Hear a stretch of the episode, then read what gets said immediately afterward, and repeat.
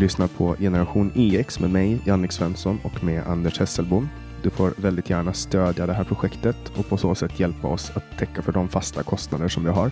Det gör du enklast genom att gå in på patreon.com genyx eller genom att swisha på nummer 070-3522 472. Länkar och nummer hittar du i beskrivningen eller på vår hemsida www.genyx.se. Vi släpper nya avsnitt alla fredagar året runt förutom när vi är sjuka som vi var för två veckor sedan. Men nu är vi tillbaks. Hej Anders! Tjena Jannik! Ja, jag, jag hatar ju när man öppnar en podd med så nu har jag sagt det en gång. Så, ja, eh, Okej, okay, jag ska aldrig mer göra om det. Jag ber så hemskt mycket om ursäkt. Du får pipa pip det. Ja, jag... Åh, oh, herrejösses. Du, vi pratade Estonia sist och sen dess har du släppt ett eh, avsnitt av din riktiga podcast som heter Samtal. Mm. Det här är ju inte en låtsaspodcast, den här finns ju på riktigt också. Nej men jo, jag har varit och eh, spelat in ett avsnitt med Anders Eriksson, heter han. Han var med i den här dokumentären då, Fyndet som förändrade allt. Och eh, det var väldigt intressant. Jag fick ta del av i fika och jag fick ta del av material och eh, oh, observationer och böcker böcker och bilder och det var väldigt intressant. Jag har ju nördat eh, Estonia-katastrofen sedan jag var väldigt liten, tio år gammal och sånt. Så för mig var det julafton. Jag ser fram emot att lyssna, men vet du någonting mer nu? Efter att du har spelat in den här podcasten då?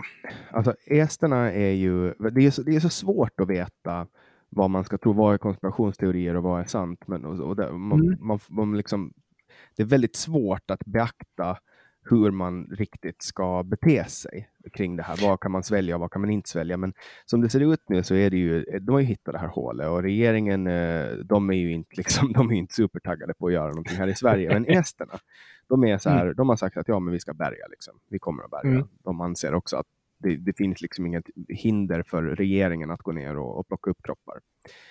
Det måste ju vara ganska, man måste ha en ganska plåtmage om man ska ner och plocka upp kroppar som har legat så länge. Va? Ja, men tänk, jag, jag träffade en gång en, en uh, snubbe som jobbar här i Sverige med, med mm. liksanering. Han, ja. han, hans jobb var att gå in i lägenheter och liksanera. Och, och så frågade mm. jag honom, kan, kan du berätta om någon av de mer obehagliga fallen som du har haft? Och då sa han att det var en, en eh, person som hade avlidit i, eh, på golvet i sin lägenhet och, och mm. de fick, han fick liksom då ja, men i princip skrapa upp den här personen som hade legat väldigt mm. länge, hade inga anhöriga och andra obehagliga saker. Mm. Men, men, jag frågar hur, hur, liksom, hur, hur, tar, hur, hur tar du det här? Hur, hur, hur var du som person innan du började med det här och hur är det nu? Och så sa han, nej men det, det är ett jobb, det är väldigt ja. bra betalt och eh, det finns nästan ingenting som är naturligare än att en människa dör. Nej, att... och det, det, är en poäng. Men, men, jag tänker, vi är ju väldigt, liksom, lukt är ju väldigt starkt när det gäller att bilda intryck. Jag ska också säga att jag har en bekant som jobbar som kriminalare. Han är väl en av Mellansveriges två stycken. Och det innebär ju att de ska ju gå till riktiga slaktscener, fast där det är människor liksom. Men han sa ju samma sak ungefär. Det är bra ja, men... betalt och man vänjer sig. Ja, men hur också så här, det är lite samma som att man till exempel nu efter 2000 vad var det, 2013, 2011, uh, Utöja, mm. Anders Bering Breiviks slakt yes. av människor. Det var vidrigt. Och tänk då för dem, det var väl 73 offer tror jag. Mm. Tänk, om man med, tänk om man med anledning av att nej, men det, det är så, eh, det, det, är så traumatiserande för, för de som ska ta hand om de här kropparna, så att vi kommer att låta dem mm. ligga kvar. Vi häller betong över ön. Liksom. Det skulle ju inte hända. Det låter ju i och för sig lite grann som Estonia. ja, alltså man, man gör det. Alltså om människor avlider, då, mm. då tar man vara på deras kroppar. Ja. Man är inte en röv som Mona Sahlin som säger att nej, men vi har en helt annan syn på havet som begravningsplats och så vidare. Hämta kropparna för helvete, låt dem inte ligga där, ja. det är hemskt. Nu törs jag nästan gissa på en av de grejerna som eh, ni pratar om i podden då, antar jag. Eh, det här ja. Ja. ja. Mona Sahlin, eftersom du var så väldigt passionerad eh, när du opponerade mot henne. Jag, jag vill inflika en grej, för jag vill protestera mot det du nyss sa i början när vi tog upp det här. Man vet inte vad som är på riktigt eller vad som är en konspirationsteori. Jag vill bara säga att en teori är inte per definition falsk. Nej, men det finns, ju, det finns ju de som... Betyder ju bara att det är en beskrivning av verkligheten. Ja, men det finns ju de som är, är, mer trovärdiga och så finns det de som är mindre trovärdiga. Ja, men det finns ju gott om konspirationsteorier som också är helt korrekta beskrivningar av verkligheten. Och skapelsekonspirationen är ju en sån. Ja, absolut. Och, och sen har vi ju till exempel då mindre trovärdiga som till exempel de här ödleteorierna och sådana. Du vet att det är rymdödlor som styr Vatikanen och Vita huset och så vidare. Men det, ja, det är ju en vi... spin-off på, konspirations, eh, förlåt mig, eh, på skapelsekonspirationen, för den är nämligen ihopkopplad, därför att eh, den här David Ikes ödleteori, den, den innefattar ju att vi är skapade. Förlåt så mycket, nu har jag förstört några minuter av din podcast. Jaha, nej, det har du inte.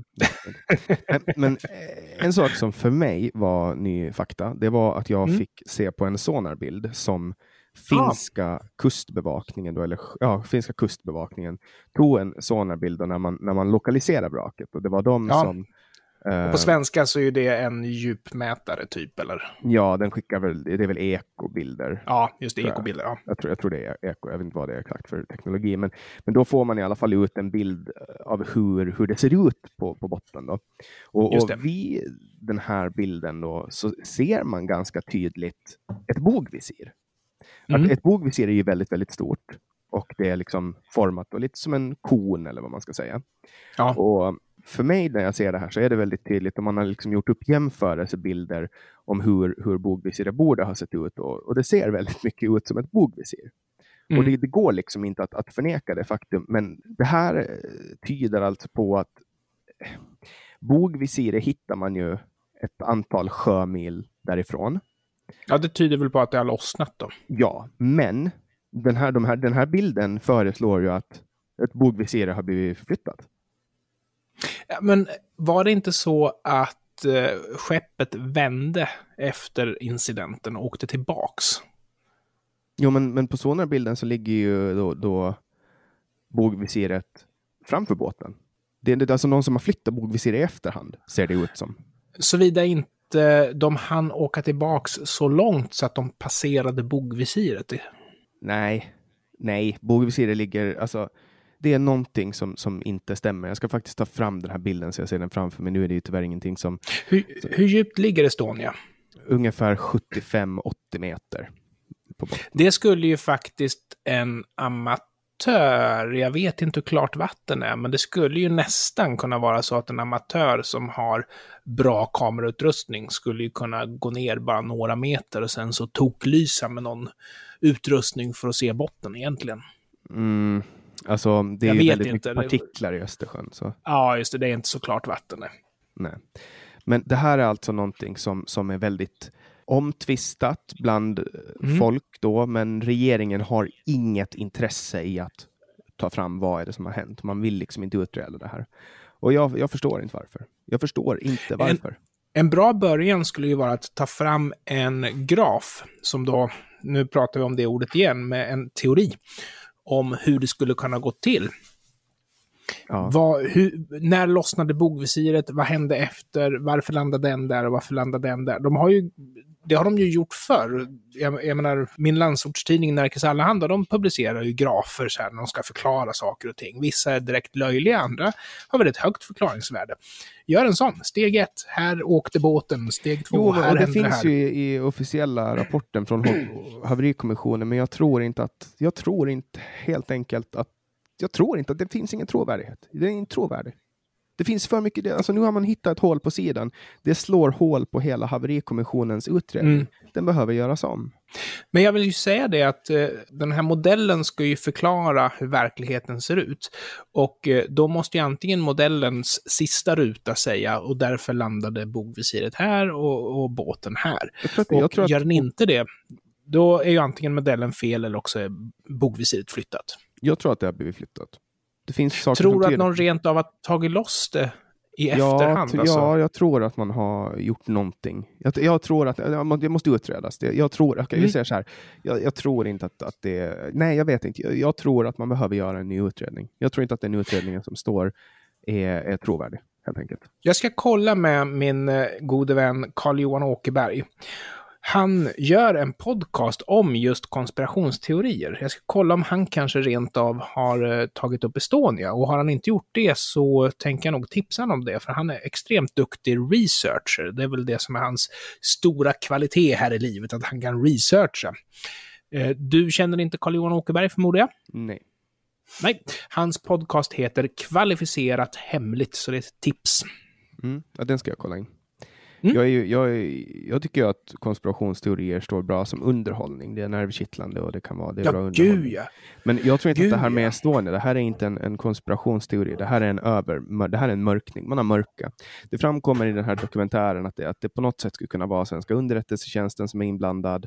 Mm. Uh, och, och min, min flygande teori Eh, som är helt tagen i princip ur luften eller på indicier, är att man har försökt undvika, alltså är det så att det har blivit mörkat, att svenska regeringen och, och Försvarsmakten mm. har mörkat det här och underrättelsetjänsten, då är det för att undvika krig med en kärnvapennation. Jag kan tror... vi kalla det för din hypotes istället? Ja, då? det är en hypotes. Ja. Jag, tror, jag tror att bra. enda anledningen att svenska regeringen ska kunna ljuga för folket och världen är att undvika kärnvapen, eller krig med en kärnvapennation, för Ryssland var en kärnvapennation 94. Och är det så att det var de som sänkte Estonia på grund av att man smuggla krigsmateriel då, som här rörde ryska missilprogrammet, då är det inte, då är det inte ur ett ur en uh, nationsperspektiv konstigt att man sänker ett sådant mål. Men det är, Sverige, det är Sveriges ansvar, det är Försvarsmaktens ansvar att mm. inte använda civila kryssningsfartyg för att transportera krigsmateriel ut ur forna Sovjet. Det är, mm. det är inte okej. Okay. Man får inte göra så. Jag förmodar att du vet om att Sverige har haft ett kärnvapenprogram, va?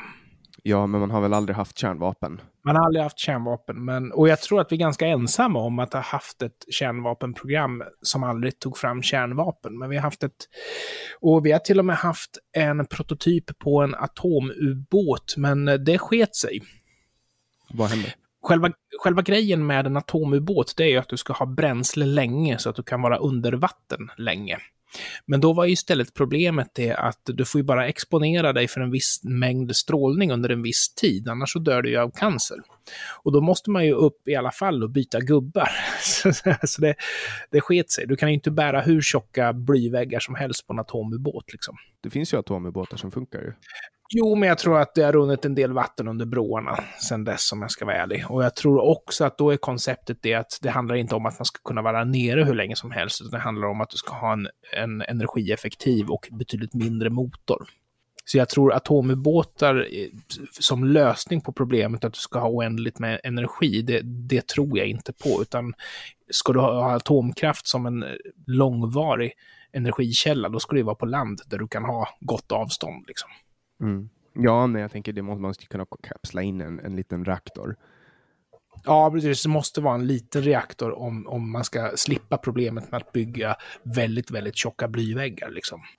Ja, nej men det här, det här är för mig, eh, det, det, är många frågetecken. Ja, man undrar, jag undrar, jag vill veta helt enkelt. Jag tycker att det är klandervärt att man liksom döljer det här och kanske det är ett svar som vi önskar att vi inte visste. Men, men jag ska inte förvåna. Alltså så här, är det så att man har mörkade, då är det inte rimligt att anta att man har försökt undvika krig. Alltså att, att man, man, mm. väljer att mörka. För jag, jag, tror inte att Sveriges regering är en ondsint regering som på något sätt jag, jag väljer inte att kommentera. Nej, men det, det, jag skulle vilja säga här det är att jag hoppas att vi kommer tillbaka till ämnet. För jag tror ju att det finns fler än du som tycker att det här är intressant, inte minst de som har nära anhöriga som gick under, under Estonia-olyckan. Jag vill också säga, ibland har vi hört mina husdjur. Idag så är det en hund som ligger och gnager på ett ben precis bredvid mig. Så om ni hör att det mullrar i bakgrunden så det, jag är hundvakt åt min dotter som har hund som nu är här.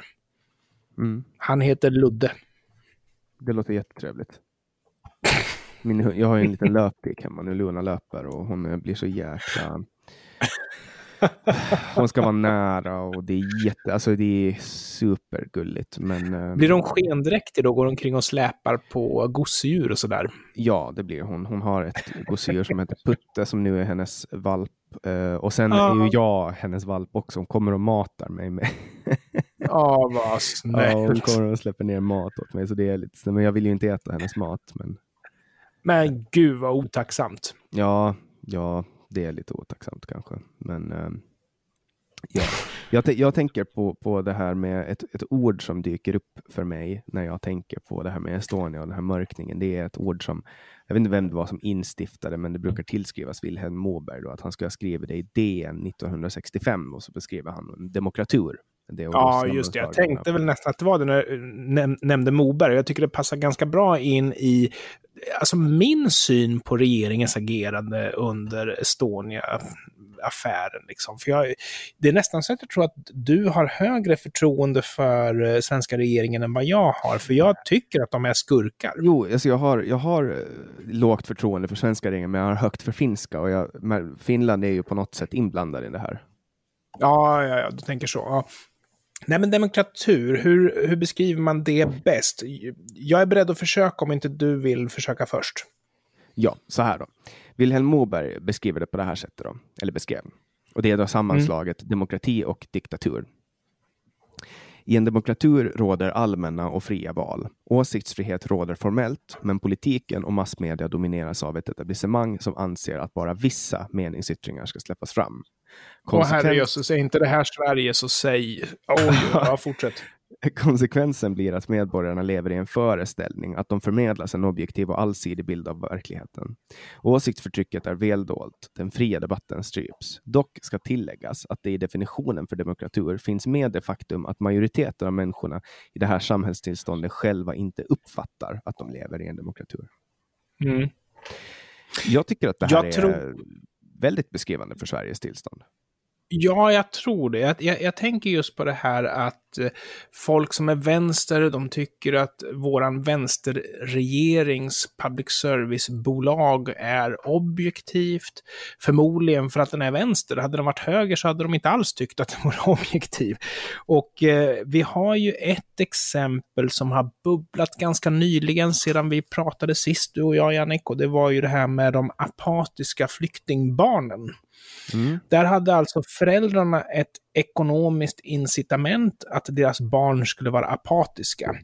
Vilket i princip då renderade ett eh, incitament för barnmisshandel, alltså att tvinga barnen att vara apatiska.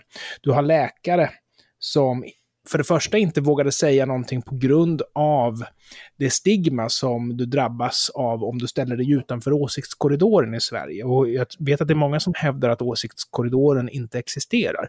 Men den behöver inte existera. Det räcker ju att människor runt omkring den det räcker ju att människor runt omkring dig upprätthåller den. Mm.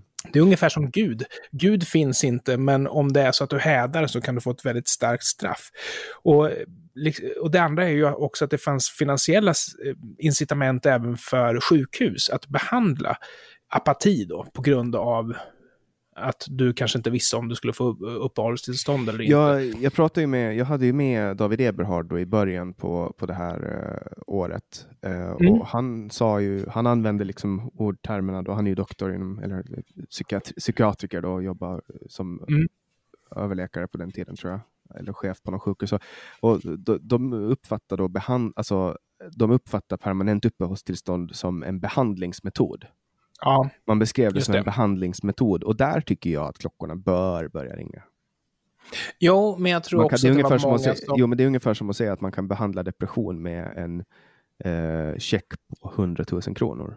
Ja, en löneförhöjning eller någonting sånt där. Ja, och, det men, är så här, men... och så ser man det som en behandlingsmetod. Liksom. Mm. Mm. Men eh, som jag nämnde också så är ju media inte alltid objektiv i Sverige, utan vi har ju en väldigt tydlig eh, vad ska man säga, ledarsida, eller några stycken som är väldigt, väldigt höger och som eh, liksom bråkar med allt och alla inom regeringen då. Men så har du redaktionerna och en hel drös ledarsida som är väldigt, väldigt vänster.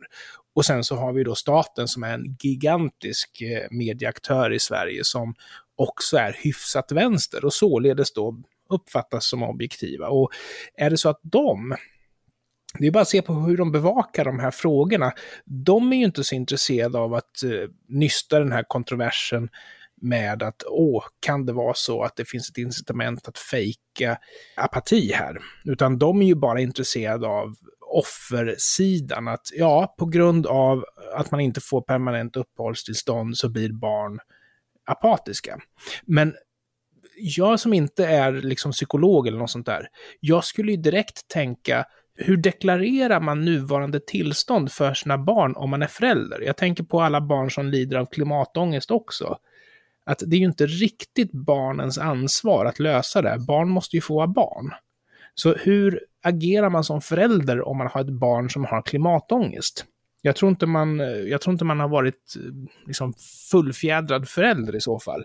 Och om det dessutom är så att man tvingar barn att ha klimatångest för att komma över pengar, eller som i det här fallet, eh, apati, då är man ju definitivt en olämplig förälder. Mm. Men sen tror jag också att det finns eh, betydligt flera instanser än, än hemmet som kan mm. generera det som, det kallas ju för, alltså det finns ju, en, man har bytt namn på, på hypokondri till hälsoångest. Ja. Uh, ja. Och det är liksom en människa som tänker orimligt mycket på hälsa och kanske har ätstörningar eller träningsmani och så vidare. och så vidare. Och, och, det, här är ju, det här kommer ju från samhället, alltså eh, det man tittar på, det man hör i media, folk, det folk pratar om, rådande normer och så vidare. Och det här är ju, det här verkar ju vara så att en del människor är mer mottagliga, eller en del människor ligger i riskzonen för att få det här. Att det har mindre med samhället mm. att göra och mera med människors benägenhet. Det är samma som med till exempel att en del människor är mer benägna att drabbas av psykos till exempel. Mm, eh. men, jag, men, jag, tror, för att knyta an till demokratur, så tror jag att åsiktskorridoren är ju den vi ska prata om. Men sen när du nämner ordet hypokondri, så jag associerar ju det snarare till allt ifrån att du tror att du har en terminal cancer som du inte har, till att du är elallergiker. Det är ju där någonstans betraktar jag liksom det typiska fallet av hypokondri. Mm. Ja, men, för, men hypokondri är ju att man uppsöker sjukvård uh, för att få hjälp med olika eh, tillstånd. Liksom. Det kan ju vara vad som helst. Sen finns det ja, också... Du självdiagnostiserade tillstånd? Ofta. Ja, eller att du bara har väldigt mycket oro att du ska leda av någonting som du kanske inte lider av. Men, ja, men, ja, ja. Mm. men jag tror, jag, sen att man håller på det här med att regeringen har så här stöd för klimatångest och så kom igen, hantera mm. de riktiga ångestproblemen liksom, eh, och, sett det här som en underkategori. Alltså, ja. det är inte, klimatångest är ingen specifik ångestsjukdom som uppkommer. Det är ju generell, det är ju generell ångest då, som tar uttryck. Det är ju domedagsskräck. Det är ju egentligen, alltså klimatångest är ju domedagsskräck. Och eh, igen, jag skulle vilja säga att det finns faktiskt ett föräldraansvar. Är det så att du har ett barn som är åtta år som är orolig över att Nordkorea ska inleda ett kärnvapenanfall, då kan det vara så att du som förälder har brustit. Mm. Jag tror ju inte, till, alltså, för att gå emot dig lite där, eh, jag tror mm. inte att det är min mammas eller pappas fel att jag hade extremt mycket ångest när jag växte upp. Ja, det beror på vad det är du hade ångest för. Hade du ångest för klimatet? Alltså om det är så att du är åtta bast och har den här kollen på att ja, men nu går snart jorden under då måste dina föräldrar ha kunnat avstyra det. Ja, jag vet inte om jag håller med. Alltså jag, har ju, mm. jag, är ju, jag, har ju liksom, jag ligger ju i riskzonen för psykos. Jag har ett väldigt skört psyke om jag inte tar hand om mig på alltså fysiskt och kost och så vidare. Och jag hade mycket ångest kring rymden när jag var liten. Det var inte så att min mamma och pappa och styvpappa höll på att berätta saker om rymden och så, utan det var bara någonting som mm. jag, det var väldigt stort och jag förstod inte riktigt. Och när jag tänkte ja, nej, men det, det har frugan också. Hon, hon, har också lite rymdskräck. Ja, men astrofobi. Jag, jag, ja, astrofobi. Men jag säger inte det. Jag säger om det är klimatångest eller om det är så att det är krigsångest eller något sånt där. Då anser jag att man har brustit i föräldraansvar. För att hur rymden fungerar och att den finns, det blir du exponerad av allt ifrån skol-tv till eh, naturlektionerna i jo, högstadiet. Jo, men det finns ju de som blir, får basilskräck också. Jag tror inte att det är helt, alltså, jag tror inte att det är, jag, jag tror att det är, handlar mer Fast om... Basilskräck lägger jag i samma kategori som rymdskräck. Eftersom basiller kommer i kontakt med när du utbildar dig och, och föräldrarna pratar ju om det rent naturligt. Men det jag säger, det är att om du till ett litet barn säger ja, klimatet kommer göra att vi alla dör och att jorden går under inom 20 år. Då är du inte en bra förälder, därför att då säger du någonting som vi, som vi för det första tror och för, för andra inte är barnets fel. Men, jag, jag, men däremot jag, att, att, prata om att rymden finns, det är ju inte samma sak som att säga att ja, men klimatet kommer att utrota allt liv på planeten inom 20 år. Jag tror att på samma sätt som att man förut eh, höll på att hetsa om att man ska hamna i helvete, att det fanns ett visst antal människor som låg i riskzonen för att ta åt sig väldigt mycket av de här rädslorna och göra en stor grej av det och känna väldigt men, mycket Janne, ångest. Nu gör du min poäng, därför att helvetet lägger jag ju i samma kategori som kärnvapenkriget och som klimatet. Det är bara att det råkar vara ett imaginärt hot. Men är, alltså att utsätta ett barn för psykisk terror, är inte samma sak som att prata om varken bakterier eller om rymd eller något sånt där. Du måste, det är två helt olika saker här. Och att hota ett barn med helvetet, det hamnar också inom den kategorin där föräldrarna har ett ansvar. Det enda man behöver göra är att inte hota barnet med helvetet, så har man tagit sitt föräldraansvar. Jo, men sen tror jag att det inte bara är föräldrarna. Alltså för, det, du kan vara i skolan och ha eh, lärare som, som håller på väldigt mycket om klimatet. Ja, då, då är ju läraren fel. Men läraren som berättar om rymden eller om bakterier gör inte nödvändigtvis fel. Men en lärare som hotar med helvetet gör per definition fel. Men om vi utgår då från att det är en klass på 20 barn och en, ett av de barnen blir väldigt stressad av att höra det här om rymden. Ja, eh. ja det är ju, då lägger jag inget, eh, inget ansvar på att man ska avstå och prata om det, utan då är det ett reellt problem som man måste hantera. Men däremot att hota om helvetet, det är inte ett reellt problem, för det är någonting man enkelt kan undvika. Eh, ja, absolut. Ja. Man sparkar de som, som är bokstavstroende och tror på Dantens Inferno, så får de göra vad de vill på sin tid. Mm. Ja. Eh, Absolut. Oh, jädrar, nu var jag hård mot här. Ja, nej, men jag, ty jag tycker att det var en, en bra diskussion nu. Vi hoppar liksom från... Uh, Demokratur. Ja. Uh, vi hoppar från demokratur. Jag ska hoppa tillbaka till vårt första avsnitt. Så pratade vi om att staten säljer pass åt oss. Ja, just ja, just det. Nu har jag varit och köpt ett pass. Har inte du... Har, har, vi inte haft det här samtalet förr? Eller är det först nu du har skaffat pass? Nej, det är först nu jag har gjort det. Jag var hemma på Åland och före Eh, restriktionerna och eh, då passar jag på att köpa ett nytt pass. För man, jag, jag har varit, du vet mitt senaste pass som jag hade så fick jag eh, hetsbeställa i Helsingfors eh, när jag skulle åka över till Estland. Ja. Um, och då fick jag betala extra mycket för det. Så jag tänkte att men jag, tar, jag tar tag i det här nu och så har jag ett pass. Um, men uh, jag, blev, jag blev bara så jävla irriterad. Du vet när jag går där och så ska, ska de sälja ett pass åt mig. Ja, jo, det kommer jag ihåg. Det är liksom så här, först lagstiftar vi om att alla måste ha, varför måste vi ens ha ett dokument för att få resa utomlands? Alltså, jag vet inte hur läget är nu, men vi har ju fritt resande inom EU eller OECD, va? Ja, men de har ju devalverat körkort nu, så i Finland så får man inte använda körkort för, som eh, ID längre, utan man måste köpa ett ID-kort. Ja, alltså det där är alltid lite problematiskt, därför att jag brukar ju praktisera min rätt att gå ut utan att ha min mobiltelefon med, med mig, eller min, min, legitimation med mig. För jag tycker att frihet är ju fri rörelsefrihet, men det, det, blir ett problem när man passerar över gränserna.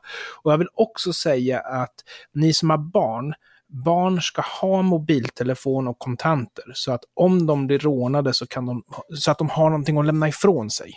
Men som vuxen så tycker jag gott och väl man kan gå ut utan både mobiltelefon och pass, om jag ska vara ärlig, eller legitimation. Ja, men vad, alltså, menar du att man ska förbereda sina barn på att bli rånade? Ja, alltså Sveriges Television är ju objektiva och neutrala och eh, de lär ju barnen i barnprogrammet att om du blir rånad så ska du lämna ifrån dig telefon och pengar. Och anledningen till att de utbildar barnen i det, det är ju för att vi vet ju statistiskt att chansen att slippa bli nedslagen är större om du är samarbetsvillig med tjuven. Mm. Ja, jag har en kompis som eh, blev rånad i Göteborg för två veckor sedan. Ja, men Göteborg och Malmö ska du inte vara i. Nej, men han, han gick eh, helt lugnt och var på väg till någon spårvagn eller buss eller liknande och så kom det två killar och sa ge oss din telefon, ja. dina pengar och din klocka. Men, men alltså, jag, jag, vet ju, för jag älskar ju universium och sånt där, men man måste ju faktiskt förhålla sig till fakta också att turista i Malmö och att turista i Göteborg är inte att rekommendera. Därför att det är farliga platser. Men alltså det är samtidigt, samtidigt så kommer ju den här Jerzy Sernecki-sidan eh, sedan och bara, ja men det, statistiskt sett så kommer du aldrig att bli rånad. Jo, men jag tycker inte riktigt om det där, därför att det är ju faktiskt inte risken för att bli rånad eh, som är det stora problemet, utan problemet är ju att det hänger ett hot över den fria rörligheten. Vet om att i Sverige så är 20 procent utav eh, kvinnorna har undvikit att göra någonting de vill göra på grund av rädsla över att bli utsatt för överfallsvåld. Och då ska man ju känna till att det är ju bara liksom någon procent utav de som, utav kvinnorna i Sverige som har blivit utsatta. Men det spelar ju ingen roll. Är det så att samhällsklimatet eh, säger dig var försiktig, så blir du redan där drabbad i den fria rörlighet. Så det som regeringen måste kunna göra, det är ju att skapa intrycket av att samhället är fritt. Det vill säga, den typen av rån som du blir utsatt för, det skulle kunna vara en hämndaktion eller whatever. Men är det så att det kan begås överfallsvåld, allt från sexuellt till rån till förnedring eller vad det nu kan vara, på ett till synes slumpmässigt utvalt offer, då kommer ju de allmänna platserna att upplevas som farliga. Mm, och så är det ju. Och då har man misslyckats. Så är det ju nu. Jag, jag ja jag eh, rör mig inte ute sent på kvällarna i, längre här i Sverige. Jag kör bil liksom. Det gör jag. Ja. Och jag som är så pass gammal vet ju att eh, det var liksom bara löjligt att man skulle komma hem en viss tid eller något sånt där. Därför att ungdomar har ju kul så att säga.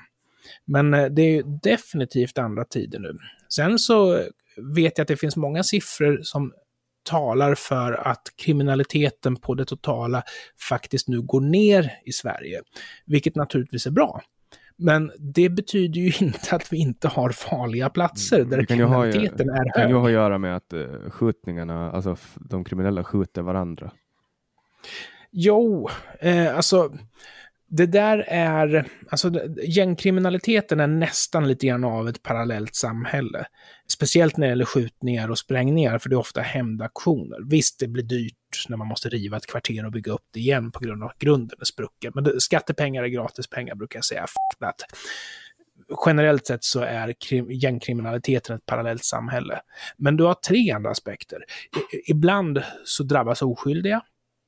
Det skapar skräck och det tredje som är den viktigaste, ibland så fyller de cash utanför de kriminella gängen. Att ibland när man behöver liksom tajta upp sina resurser så ger man sig inte på ett annat kriminellt gäng, utan man ger sig på ett eh, offer som man bedömer som någon som saknar eget våldskapital. Mm. Och tar hans grejer. Ja, det är jävligt ledsamt hur, um, hur um, utvecklingen har gått. Uh, och det, det, det är tråkigt att det har blivit så, att, att man behöver vara orolig och så. Den här personen jag berättade om uh, har precis flyttat till Sverige mm. och tänkte väl att ja, men det här är det här är liksom safe. Jag går mitt inne i Göteborg. Här finns ingen fara. Men han blev misshandlad medveten, medvetslös. Liksom. Ja, Alltså, och då måste jag ju säga, generellt sett så är det ju så att du ska ju kunna röra dig ut utan att vara rädd. Men det jag däremot säger, det är att, och det kanske inte riktigt passar in här då med tanke på det du nyss sa, men det är att vissa platser bör du ju naturligtvis undvika. Om det är så att du är en jude och har en Davidsstjärna och en kippa bör du inte promenera genom Rosengård. Det finns liksom, det finns no-go-zoner, alltså uppenbara no-go-zoner där du liksom inte kanske kan klara dig, utan du ska bara inte gå dit för Sverige har farliga platser. Mm. Men är det liksom mitt i stan i Göteborg, då kan jag faktiskt förstå att det hade jag också kunnat räkna, eller trott att jag skulle få göra. Liksom. Mm. Mm. Nej, men sen är det också det här att folk inte riktigt vågar gripa in när de ser rån. Uh, just för att de är rädda att det ska riktas mot dem också. Ja, hämndaktioner är ju alltid farligt. Och jag är ju en av dem som anser att man bör gripa in. Jag vet inte själv hur jag skulle agera, men jag brukar resonera som så här att dör jag så dör jag för en god sak om jag har gripit in. Mm. Ja, um, jag skulle inte vilja dö som ett, jag skulle inte vilja dö så som en martyr.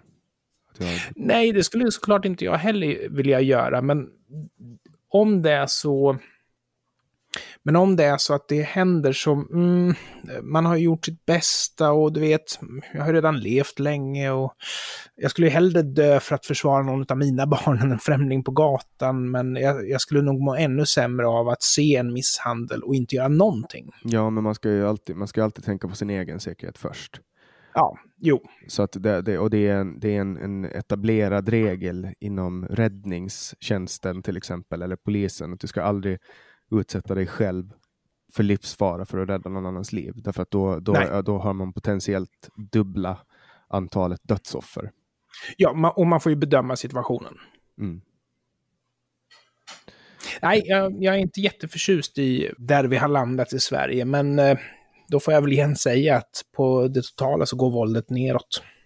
Och det är bra. Ja, eh, och sen tror jag inte heller man ska stirra sig blint på siffror. För, eh, Nej, det, det, viss, det viss, samhällsklimatet är ju det viktiga. Men för viss våld sjunker och andra res stiger. Ja, och ofta är det ju så att man kan vara selektiv när man... Det är ju väldigt lätt att hitta siffror som säger att våldet i storstäderna minskar, för där kan du bara gå åt ett håll. Liksom. Vadå då? Kan man bara gå åt ett håll? Kan, man bara bli kan det bara bli mindre? Ja, det kan bara bli mindre. För jag kan inte tänka mig att det finns någon potentiellt kriminell person som eh, potentiell våldsverkare som inte redan är en våldsverkare. Eftersom det är så pass många som är det. Mm. Ja. Coronasituationen då? Jag fick, idag fick vi eh, studerandekåren eh, på min skola så fick vi direktiv från FHM angående internatboenden.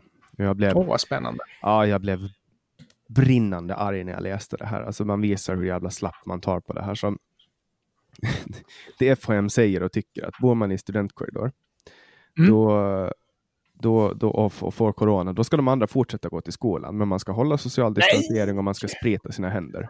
Nej, men det är ju smittsamt genom luften. Nej! Men man kan använda, och det, här, det här är liksom så här, vad fan håller ni på med?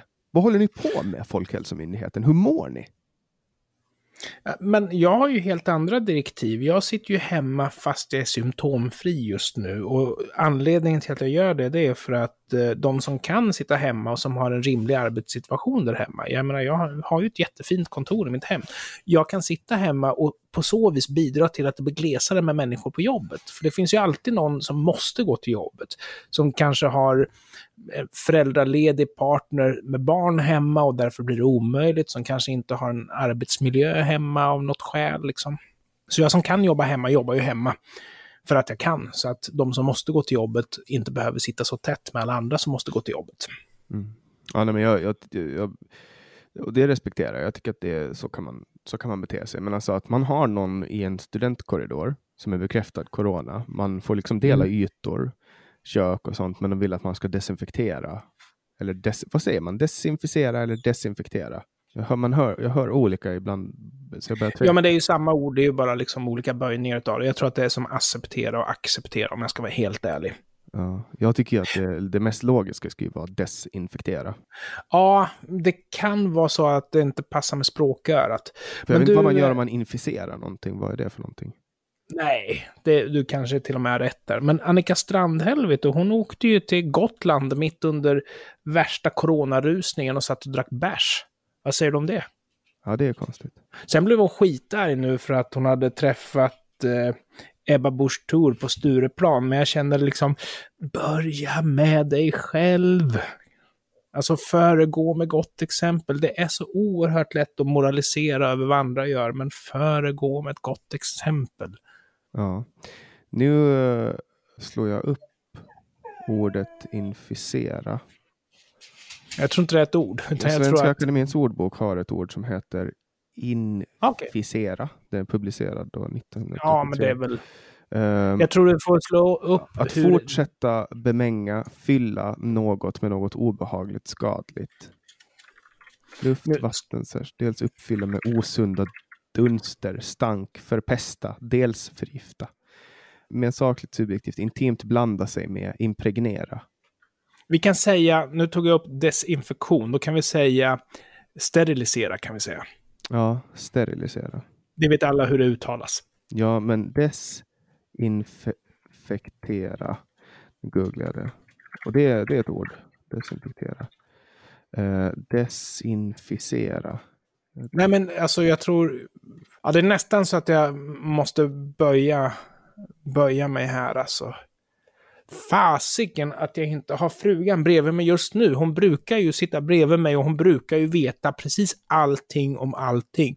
Och det ska jag ju säga till alla de som kommer på mina föreläsningar eller som följer mig på YouTube eller som läser min blogg eller vad det nu kan vara för någonting. Att hjärnan i familjen Hesselbom är inte Anders Hesselbom, utan Anders Hesselbom är teaterapan. Hjärnan är fru Mia Hesselbom, vill jag bara ha det sagt också. Men just nu så är hon inte bredvid mig, så nu mm. kan hon inte... Ja, som jag, som jag uppfattar det så är desinfektion det man använder.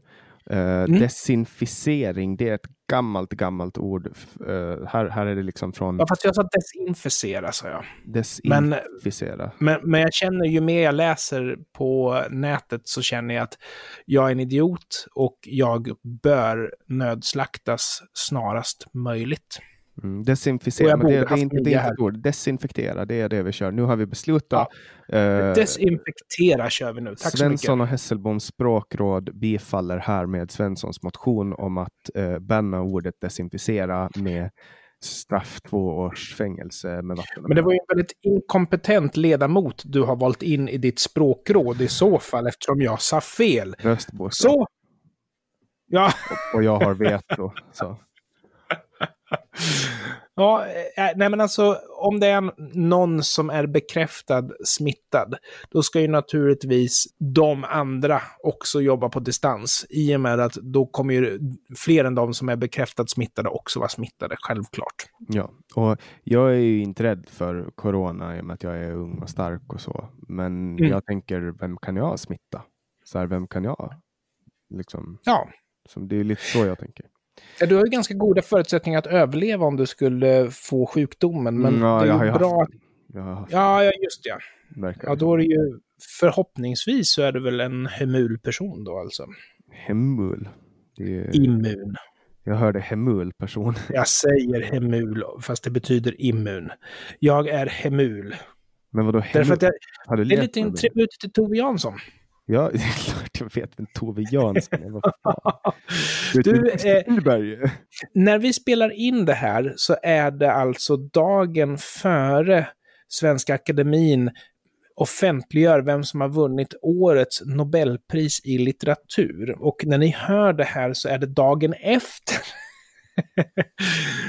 Svenska Akademin eh, har offentliggjort vem som får Nobelpriset i litteratur. Men jag skulle ju säga att Richard Dawkins har ju ganska höga odds och det beror på att han är väl kanske lite gärna för kultiverad än vad de här navelskådarna i Svenska Akademin är. Alltså tyvärr. med tanke på deras eh, meritlista, vem de har delat ut ja. när de gav det till Bob Dylan. Vad fan ja. var det? Alltså vad var det för jävla hjärnblödning? Mm. Och det ironiska med det var ju att Leonard Cohen levde ju fortfarande.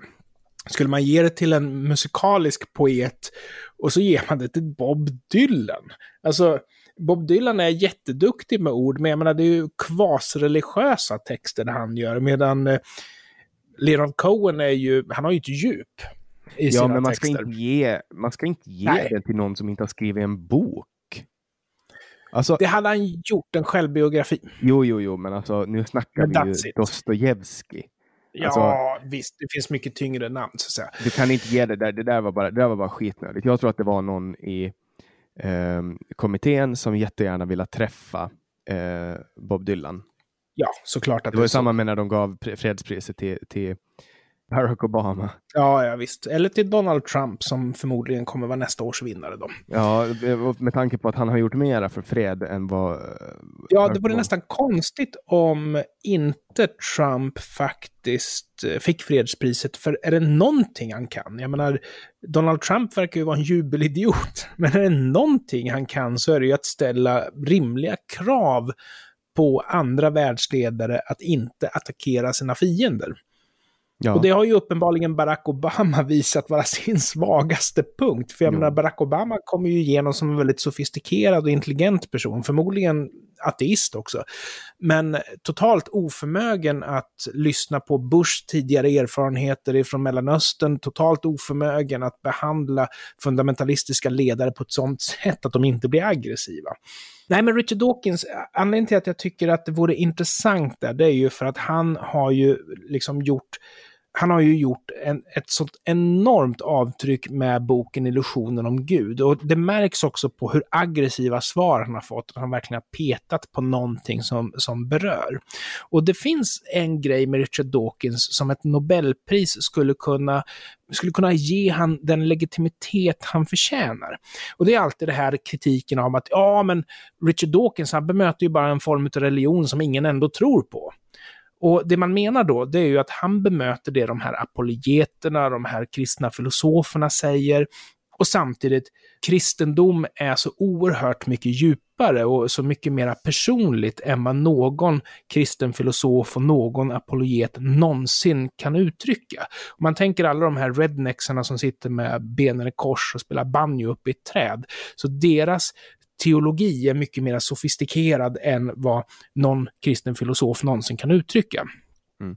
Jag, tycker ju, alltså, jag tycker ju att Yuval Noah Harari ska få eh, Nobelpris i litteratur. Berätta varför. För att han har skrivit så jävla bra böcker. Har du läst dem? Får jag säga en grej om, om Dawkins först bara? Ja. Och jag vill bemöta den kritiken genom att säga att bara för att en apologet pratar så betyder ju faktiskt det att man svarar. Det betyder ju inte att man tror att man svarar för alla, utan man svarar ju på det som sägs. Men Dawkins har ju faktiskt också svarat på andra trosrenderingar och jag tycker att ett Nobelpris i litteratur skulle vara ett erkännande för det ursäkta att jag avbröt dig, men det var den poängen som jag ville ha fram och det är därför som jag liksom hoppas att när ni lyssnar på det här programmet, kära lyssnare, så är Dawkins Nobelpristagare i litteratur. Mm. Ja, det vet Vad hette han, sa du? Uh, Yuval Noah Harari. Han skrev uh, Sapiens och uh, ah, den snubben, den snubben. Men jag tror, jag tror att det finns en anledning varför han inte kommer att få det, om någonsin. Mm. Han är från Israel.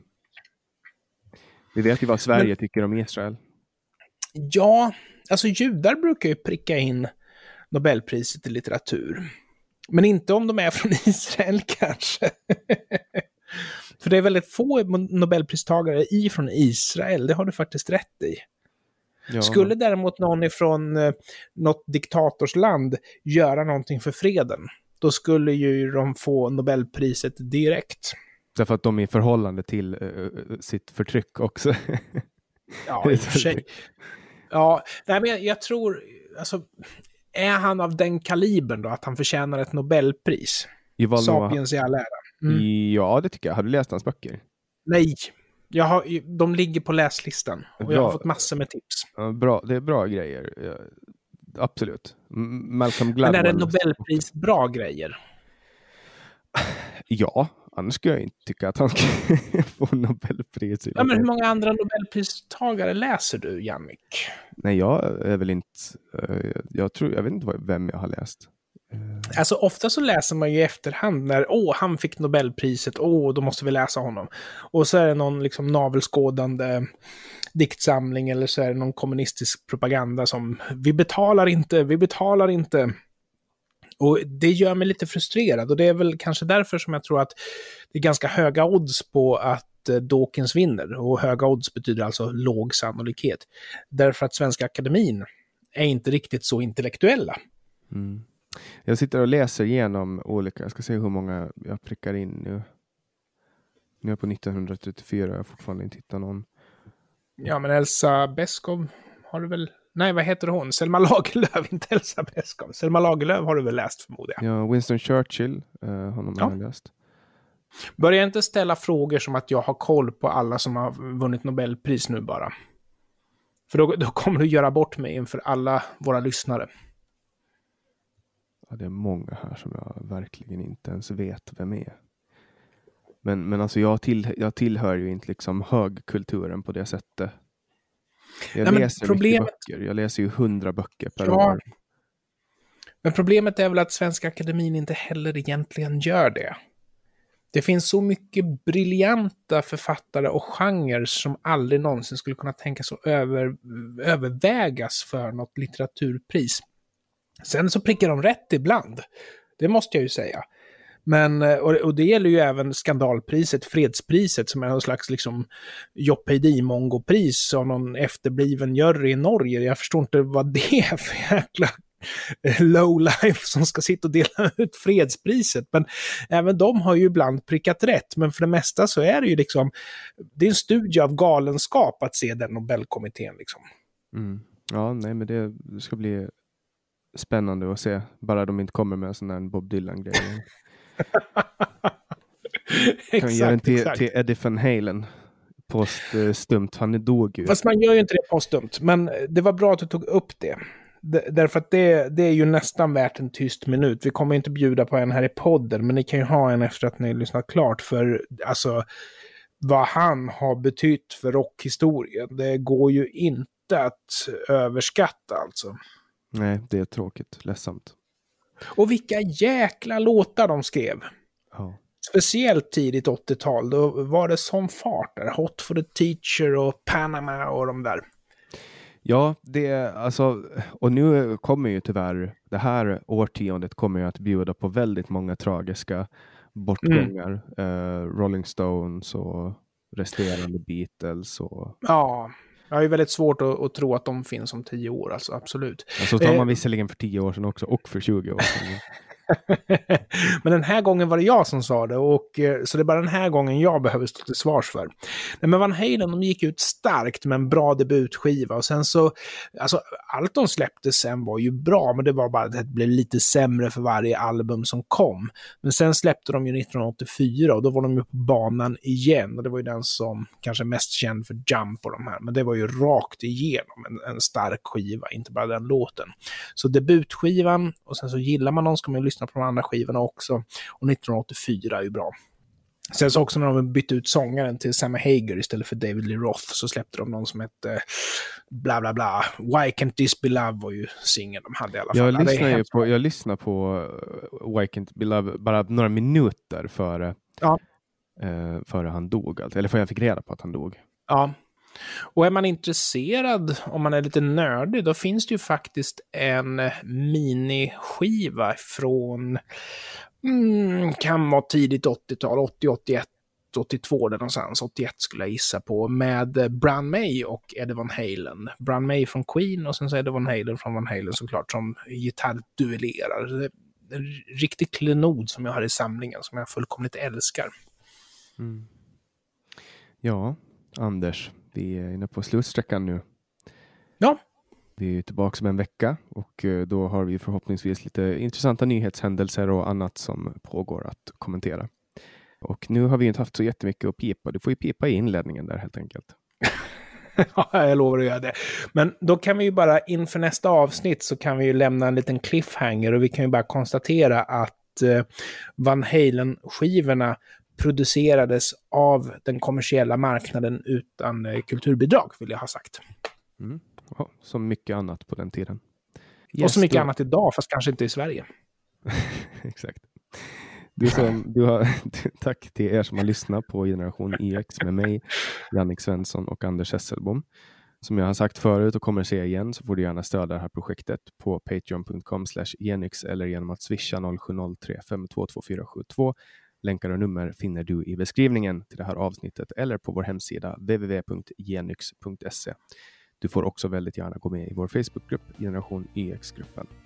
Tack Anders. Tror den kommer lyfta eller Facebookgruppen? Ja, vi kämpar på. Till slut vi så kämpar. kanske den lyfter. Ja, vi kämpar på. Kontinuitet. Det är det som, det är det som gäller. tack Jannik och tack för att ni lyssnade. Hej då.